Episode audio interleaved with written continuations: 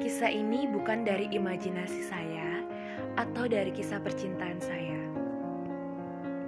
Kisah ini disusun oleh seorang perempuan yang mungkin sedang mendambakan samudra atau tiket ke Karibia untuk rehat sejenak yang tentunya menghindari hiruk pikuk kota.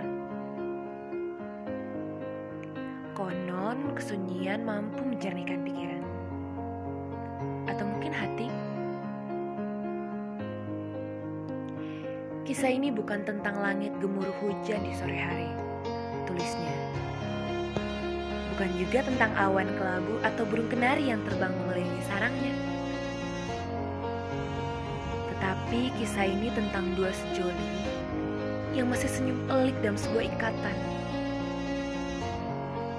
Ikatan anak muda yang jatuh hati, yang mungkin berjanji tidak meninggalkan dan menyakiti.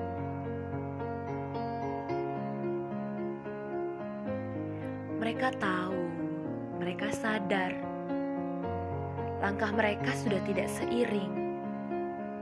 Tembok telah terbangun di antara mereka, dan hati mereka sudah tidak selaras. Apalagi harus diharapkan? Kesetiaan. Kurasa anjing akan lebih setia daripada manusia.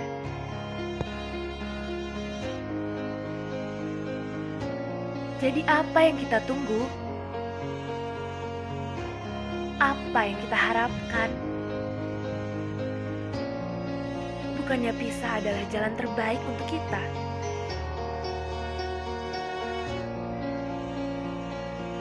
Air mata kini telah menolak turun ke pipi.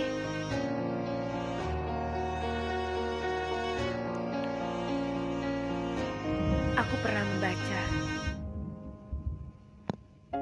R.A. Kartini menuliskan, saat suatu hubungan yang berakhir, bukan berarti orang tersebut berhenti saling mencintai.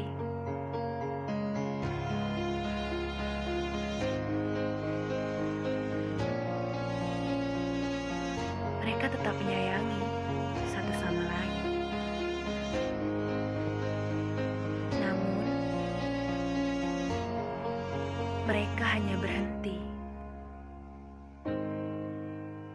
saling melukai.